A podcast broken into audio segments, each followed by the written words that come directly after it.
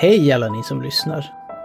Tack till att börja med för alla fina kommentarer och hejarop som jag har fått. Antalet prenumeranter gick strax över 200 för ett par dagar sedan och det tycker jag känns väldigt roligt. Jag ligger dessvärre lite efter i schemat på grund av lite olika saker, men eh, mest nyligen så fick jag sitta på akuten med min och min sambos katt. Det låter så konstigt att säga akuten om ett djur, men det är så man säger i alla fall. Ehm, hon mår bra nu, men eh, jag fick spendera en dag där, sen så blev hon kvar i två nätter och så blev det lite extra omvårdnad hemma. I alla fall, nästa avsnitt skulle ha varit min översättning av Call of Cthulhu.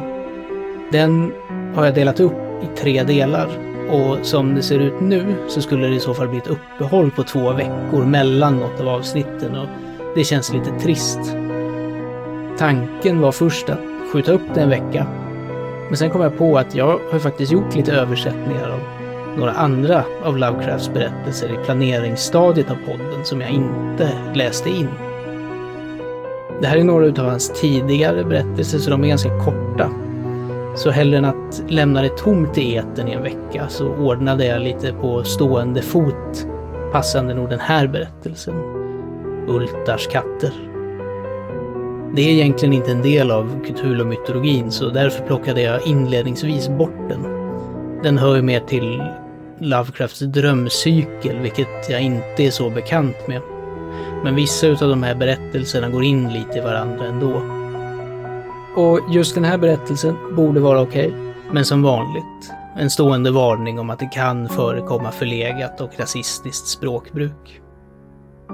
Och har ni era katter, eller hundar, eller råttor, eller fiskar i närheten, så passa på att ge dem lite extra kärlek just idag. God lyssning!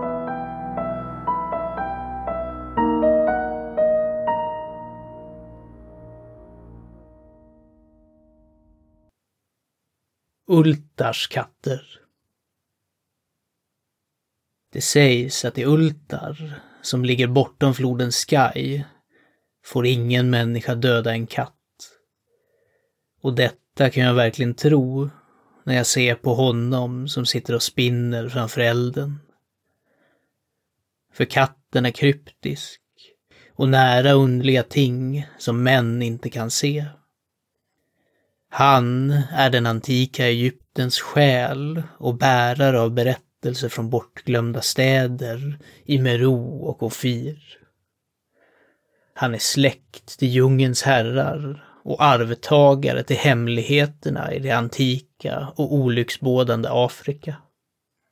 Svinksen är hans kusin och han talar hennes språk. Men han är äldre än svinksen och minns det som hon har glömt. I Ultar, innan borgarna förbjöd dödandet av katter, bodde en gammal torpare och hans fru som gladde sig över att fånga och döda sina grannars katter. Varför de gjorde detta vet jag inte. Utom att många hatar kattens röst på natten och tar illa upp när katter ska springa smygande på gårdar och trädgårdar i skymningen. Men av vilken anledning det än var, så hade den här gamla mannen och kvinnan nöje i att fånga och dräpa varje katt som kom nära deras stuga. Och från några av de ljud som hördes efter mörkrets inbrott föreställde sig många bybor att sättet de dräptes på var ytterst märkligt. Men byborna diskuterade inte sådant med den gamle mannen och hans hustru. På grund av det sedvanliga uttrycket i de bådas vittrade ansikten och för att deras stuga var så liten och så mörkt gömd under spretande ekar på baksidan av en försummad gård. Sanningen var att oavsett hur mycket som ägarna till katterna hatade dessa udda människor fruktade de dem mer. Och istället för att beskylla dem för att vara brutala mördare såg de bara till att inga omhuldade husdjur eller musfångare skulle förirra sig mot det avlägsna torpet under de mörka träden. När, genom något oundvikligt förbiseende, en katt försvann och ljud hördes efter mörkrets inbrott, beklagade sig förloraren impotent eller tröstade sig med att tacka ödet för att det inte var ett av hans barn som på så sätt hade försvunnit. För folket i Ultar var enkla och visste inte varifrån alla katter först kommit ifrån. En dag kom en karavan med märkliga vandrare från söder in på Ultars smala kullerstensgator. Mörka vandrare var de och olik de andra strövande folk som passerade byn två gånger varje år. På marknadsplatsen berättade de spådomar för silver och köpte glada pärlor från köpmännen. Vad dessa vandrares land var kunde ingen säga, men man såg att de var givna till underliga böner och att de på sidorna av sina vagnar hade målat underliga gestalter med människokroppar och huvuden av katter, hökar, baggar och lejon. Och karavanens ledare bar en huvudbonad med två horn och en underlig skiva mellan hornen. Det fanns en särskild husvagn med en liten pojke utan far eller mor, med endast en liten svart kattunge att vårda. Pesten hade inte varit god mot honom, men ändå lämnat honom denna lilla lurviga sak för att mildra hans sorg. Och när man är mycket ung kan man finna stor lindring i en svart kattunges livliga upptåg. Så pojken, som de mörka människorna kallade Menes, log oftare än han grät när han satt och lekte med sin graciösa kattunge på trappan till en konstigt målad vagn. På den tredje morgonen av vandrarnas vistelse i Ultar kunde Menes inte hitta sin kattunge. Och medan han snyftade högt på marknadsplatsen berättade vissa bybor för honom om den gamle mannen och hans hustru och om ljud som hördes om natten. Och när han hörde dessa saker gav han snyftande vika för begrundan och slutligen till bön. Han sträckte ut sina armar mot solen och bad på ett tungomål som ingen bybo kunde förstå. Fast byborna försökte inte förstå särskilt mycket eftersom deras uppmärksamhet mestadels upptogs av himlen och de udda former som molnen antog. Det var mycket märkligt. Men när den lilla pojken yttrade sin begäran verkade över dem formas skuggiga, mörka figurer av exotiska ting. Av hybridvarelser krönta med hornflankerade skivor. Naturen är full av sådana illusioner för att imponera på den fantasifulla. Den natten lämnade vandrarna Ultar och sågs aldrig mer. Och hushållarna blev oroliga när de märkte att det i hela byn inte stod att finna en katt. Från varje härd hade den bekanta katten försvunnit. Katter stora och små, svarta, gråa, randiga, gula och vita. Gamle Kranon, borgmästaren, svor att det mörka folket hade tagit katterna som hämnd för dödandet av Menes kattunge och förbannade karavanen och den lilla pojken. Men Nitt, den magre notarien, förklarade att den gamle torparen och hans hustru var mer troliga personer att misstänka.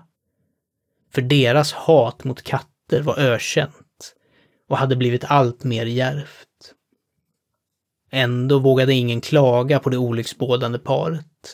Till och med den lilla Attal, värdshusvärdens son, svor att han i skymningen hade sett alla katterna i Ultar, på den förbannade gården under träden, skridande långsamt och högtidligt i en cirkel runt stugan, två i bredd, som om de utförde någon ohörd bestialisk rit.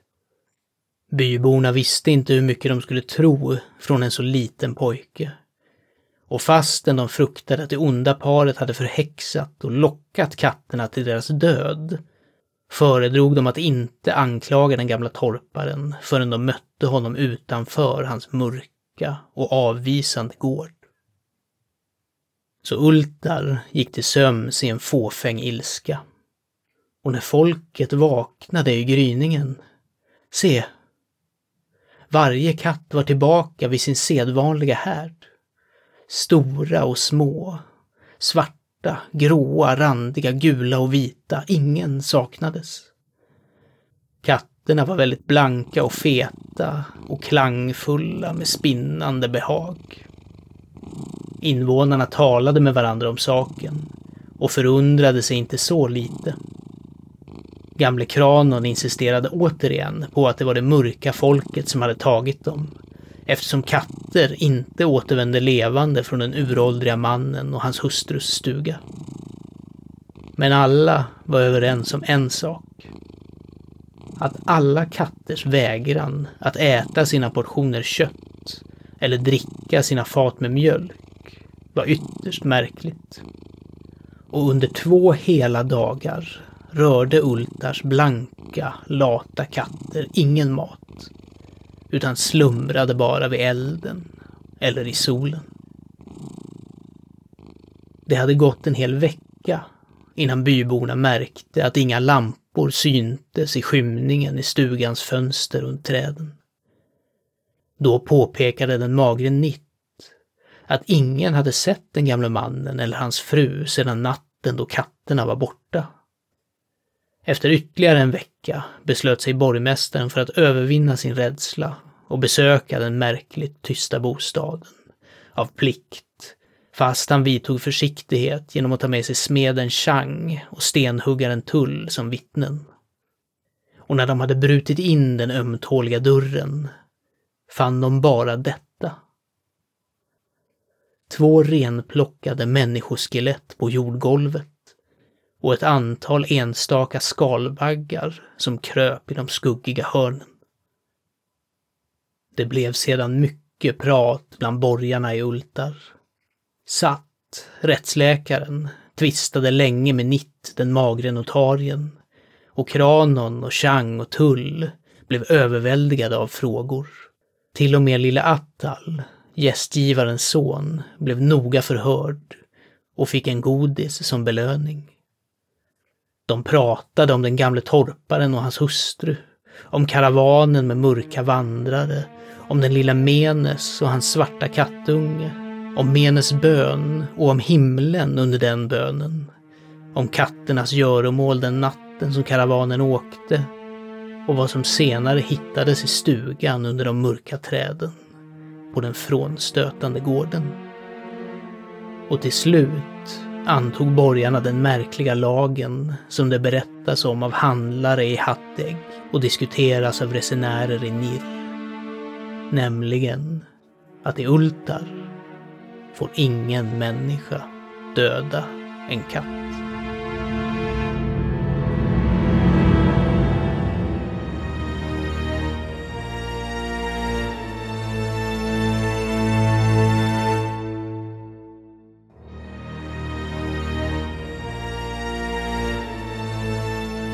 Du har lyssnat på Ultars katter, en berättelse av Howard Phillips Lovecraft som skrevs i juni 1920 och som publicerades för första gången i november 1920 i The Tryout, i det elfte numret av den sjätte utgåvan.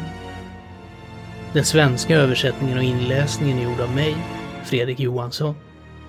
Tack för att du har lyssnat.